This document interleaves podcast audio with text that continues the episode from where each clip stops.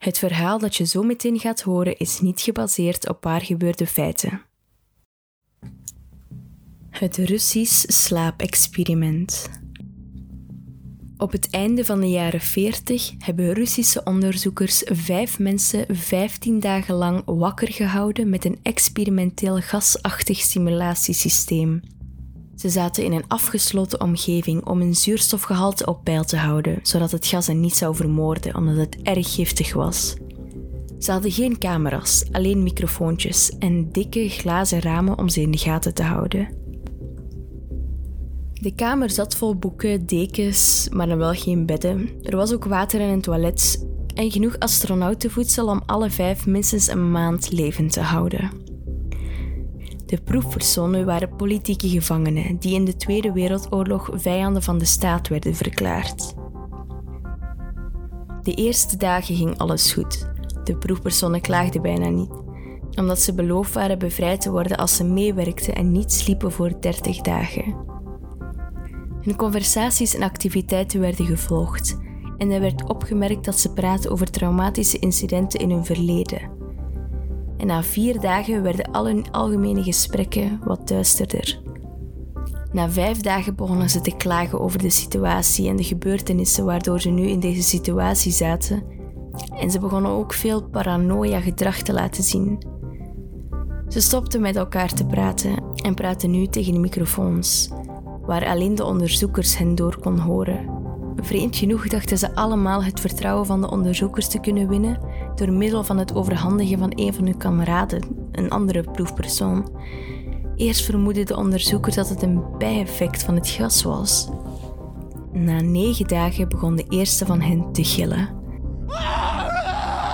Hij rende voortdurend van de ene naar de andere kant van de kamer, drie uur lang non-stop gillend. Daarna probeerde hij nog steeds te gillen, maar hij kon alleen nog maar af en toe piepen. De onderzoekers veronderstelden dat zijn stembanden uit elkaar getrokken waren. Het meest verrassende aan zijn gedrag was wel hoe de andere gevangenen erop reageerden. Of eigenlijk hoe ze er niet op reageerden. Ze bleven tegen de microfoons fluisteren tot de tweede proefpersoon begon te gillen. De twee proefpersonen die niet gilden pakten de boeken en smeerden pagina na pagina in met hun eigen ontlasting. Nog drie dagen gingen voorbij. De onderzoekers checkten de microfoons ieder uur om te zien of ze werkten, omdat ze dachten dat het onmogelijk was om geen geluid te maken als je met vijf mensen bent. Het was muisstil, maar volgens de zuurstofmeter waren ze alle vijf nog in leven. Op de veertiende dag deden de onderzoekers iets om een reactie van de gevangenen te krijgen. Ze gebruikten de intercom in de kamer, hopend om een antwoord uit te lokken van de gevangenen, van wie ze dachten dat ze dood of bijna dood waren. Ze kondigden aan. We openen de kamers om de microfoons te testen. Stap weg van de deur en lig plat op de grond of je wordt neergeschoten. Meewerking levert een van jullie onmiddellijke vrijheid op. Tot hun verrassing hoorden ze een kalme stem die met één zin antwoordde. Wij willen niet langer bevrijd worden. Er kwam een debat tussen de onderzoekers. Omdat er geen antwoord meer kwam door de intercom, werd er uiteindelijk besloten de kamer om middernacht van de vijftiende dag te openen. Het stimulerende gas dat werd gebruikt om de gevangenen wakker te houden, werd uit de kamer verwijderd en hij werd gevuld met frisse lucht. maar onmiddellijk begonnen de stemmen door de microfoons de actie af te keuren. Drie verschillende stemmen begonnen te smeken om het gas weer aan te zetten. De kamer werd geopend en er werden soldaten gestuurd om de proefpersonen terug te halen. Ze begonnen harder dan ooit te gillen en dat deden de soldaten ook toen ze zagen wat daar binnen was. Vier van de vijf proefpersonen leefden nog, hoewel geen van hen zich echt levend kon noemen. Sinds dag 5 werd het voedsel bijna niet meer aangeraakt. En in de afvoer waren stukken dij en borstvlees van de dode proefpersoon gestopt, die de afvoer blokkeerde waardoor er 4 centimeter hoog water stond. Hoeveel water op de grond eigenlijk bloed was, is nooit vastgesteld. Alle vier overlevende proefpersonen hadden grote stukken spier en huid van hun lichaam getrokken De verwoesting van het vlees en zichtbare bot op de vingertoppen lieten zien dat de wonden met de hand waren aangebracht en niet met de tanden zoals de onderzoekers eerst dachten. Verder onderzoek van de positie van de wonden gaf aan dat bijna alle wonden door de proefpersonen zelf waren aangebracht. De organen onder de ribbenkast van de proefpersonen waren verwijderd. Hoewel het hart, de longen en het middenrif nog op de juiste plek zaten, waren de meeste stukken spier en huid die aan de ribben zaten eraf gescheurd, waardoor je de longen achter de ribbenkast kon zien. De aderen en organen waren nog intact. Ze waren er gewoon uitgepakt en op de grond gelegd. De proefpersonen begonnen hun eigen vlees op te eten. De meeste soldaten waren gespecialiseerde Russische mensen, maar velen weigerden om terug te gaan naar de kamer om de proefpersonen te verwijderen. De proefpersonen bleven maar gillen dat ze in de kamer wilden blijven en smeekten en eisten dat het gas weer werd aangezet, zodat ze niet in slaap vielen. En tot ieders verrassing verzetten de proefpersonen zich hevig terwijl ze uit de kamer werden verwijderd.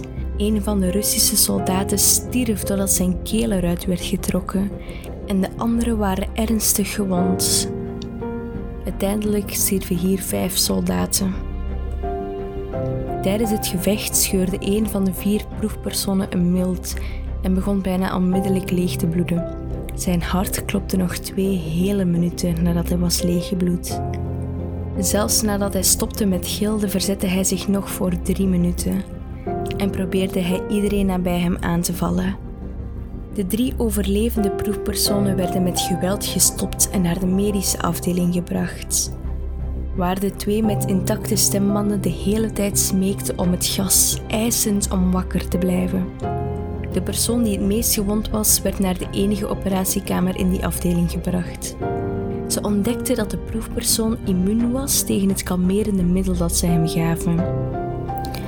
Toen ze hem klaarmaakten voor de operatie om zijn organen terug te plaatsen, vocht hij hevig tegen het slaapgas dat werd aangezet om hem te laten slapen.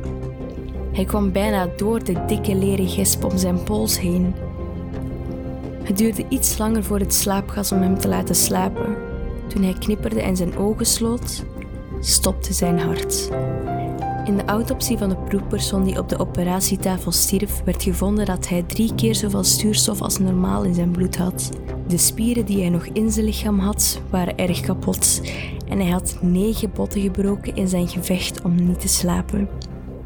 De tweede overlever was de eerste in de groep die begon te gillen. Doordat zijn stembanden vernietigd waren, kon hij niet smeken of de operatie tegenspreken. Hij bleef maar nee schudden toen het slaapgas bij hem in de buurt kwam. Maar hij schudde ja toen iemand aarzelend suggereerde de operatie uit te voeren zonder verdoving. En hij reageerde de hele zes uur operatie waarin de organen werden teruggeplaatst en bedekt werden met overgebleven huid niet. De belangrijkste chirurg vertelde herhaaldelijk dat het bijna onmogelijk was dat hij nog leefde. Een doodsbange zuster die hielp bij de operatie vertelde dat hij haar de hele operatie met een grijns toelachte. Toen de operatie voorbij was, keek de proefpersoon naar de chirurg en begon hard te hoesten. Hij probeerde te praten. Veronderstellend dat het belangrijk was, pakte de chirurg een notitieblok en een pen zodat de patiënt zijn boodschap kon opschrijven. En het was een heel simpele boodschap: blijf snijden. De twee andere proefpersonen kregen dezelfde operatie, ook zonder verdoving. Als ze achteraf weer konden spreken, vroegen ze om het stimulerende gas. De onderzoekers probeerden te vragen waarom ze zichzelf verwond hadden, waarom ze hun darmstelsel eruit hadden gescheurd en waarom ze weer terug naar het gas wilden. Maar er werd maar één antwoord gegeven. Ik moet wakker blijven. De drie proefpersonen werden bevrijd en teruggezet in de kamer terwijl ze wachten om te horen wat er met hen zou gebeuren. De onderzoekers moesten onder ogen komen dat hun project mislukt was. De hoofdofficier zag wel vorderingen en wilde zien wat er zou gebeuren als ze weer onder het gas geplaatst zouden worden. De onderzoekers spraken dat sterk tegen, maar werden overrompeld. In voorbereiding op het weer opgesloten worden in de kamer werden de proefpersonen aangesloten op een hersenmonitor en vastgebonden zodat ze zichzelf niet zouden verwonden. Tot ieders verrassing stopten ze alle drie met hun verzet toen ze terug naar het gas gingen. Het was duidelijk dat ze alle drie per se wakker wilden blijven. Een van de proefpersonen neuriede hard. De stomme proefpersoon probeerde zijn been uit de gespen te krijgen. Eerst links, toen rechts en toen weer links. De laatste proefpersoon hield zijn hoofd ver weg van het kussen en probeerde snel met zijn ogen te knipperen. Omdat hij de eerste was die aan de machine werd aangesloten, volgden de onderzoekers verrast zijn hersenactiviteit. Het was meestal normaal, maar soms werd de lijn opeens vlak. Het leek of hij op sommige momenten hersendood was, voordat hij weer normaal werd. Terwijl de onderzoekers papieren bekeken, zag maar één zuster dat zijn ogen dichtvielen toen zijn hoofd het kussen raakte. Zijn hersenactiviteit veranderde nadat van een man in een diepe slaap en de lijn werd nog een laatste keer vlak voordat zijn hart stopte. De enige overlevende proefpersoon die kon spreken begon te schreeuwen dat hij opgesloten wilde worden. Zijn hersenactiviteit liet dezelfde vlakke lijn zien als degene die net doodging door in slaap te vallen. De commandant gaf de orders de kamer te sluiten met beide proefpersonen erin, samen met drie onderzoekers. En een van de drie onderzoekers pakte meteen een pistool en schoot de commandant een kogel in zijn gezicht. Zette toen zijn pistool op de stomme proefpersoon en schoot ook zijn hersens eruit. Hij richtte zijn pistool op de laatste proefpersoon, nog steeds op het bed gebonden terwijl de overlevende doktoren en onderzoekers de kamer uitvluchtten. Ik word niet opgesloten met die dingen, niet met jou, gilde hij naar de man die vastgebonden op de tafel lag. Wat ben jij? hijste hij. Ik moet het weten. De proefpersoon glimlachte. Ben je het nu al vergeten? vroeg de proefpersoon. Wij zijn jou. Wij zijn de krankzinnigheid die in ons allen geborgen zit. Ieder moment huilend om vrijheid in je diepe dierengeest. Wij zijn wat je je iedere nacht voor in je bed verstopt. Wij zijn wat jij tot stilte en verlamming kalmeert als je naar de nachtelijke haven gaat die wij niet kunnen betreden. De onderzoeker stopte. Toen richtte hij het pistool op de proefpersoon en vuurde.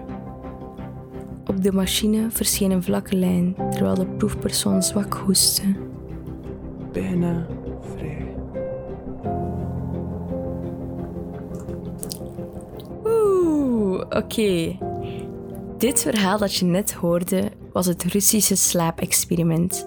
Een verhaal dat ik al heel lang ken en al heel lang eens wou voordragen, dus hier is het dan.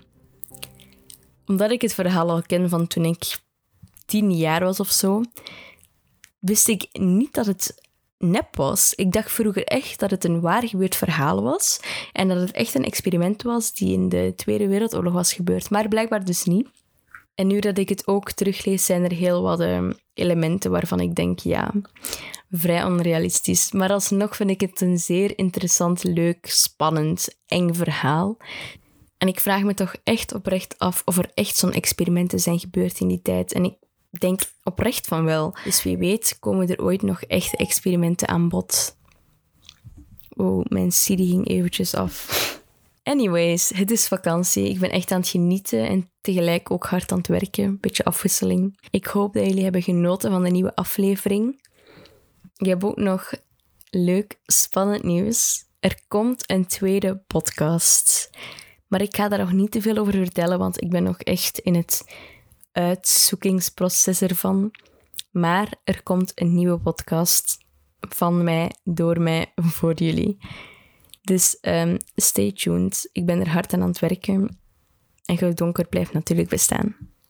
Ik hoop dat je nog een hele fijne avond, middag, ochtend, welke tijd dat het ook bij jou momenteel is, hebt. En dan zie ik jou de volgende keer. Bye bye.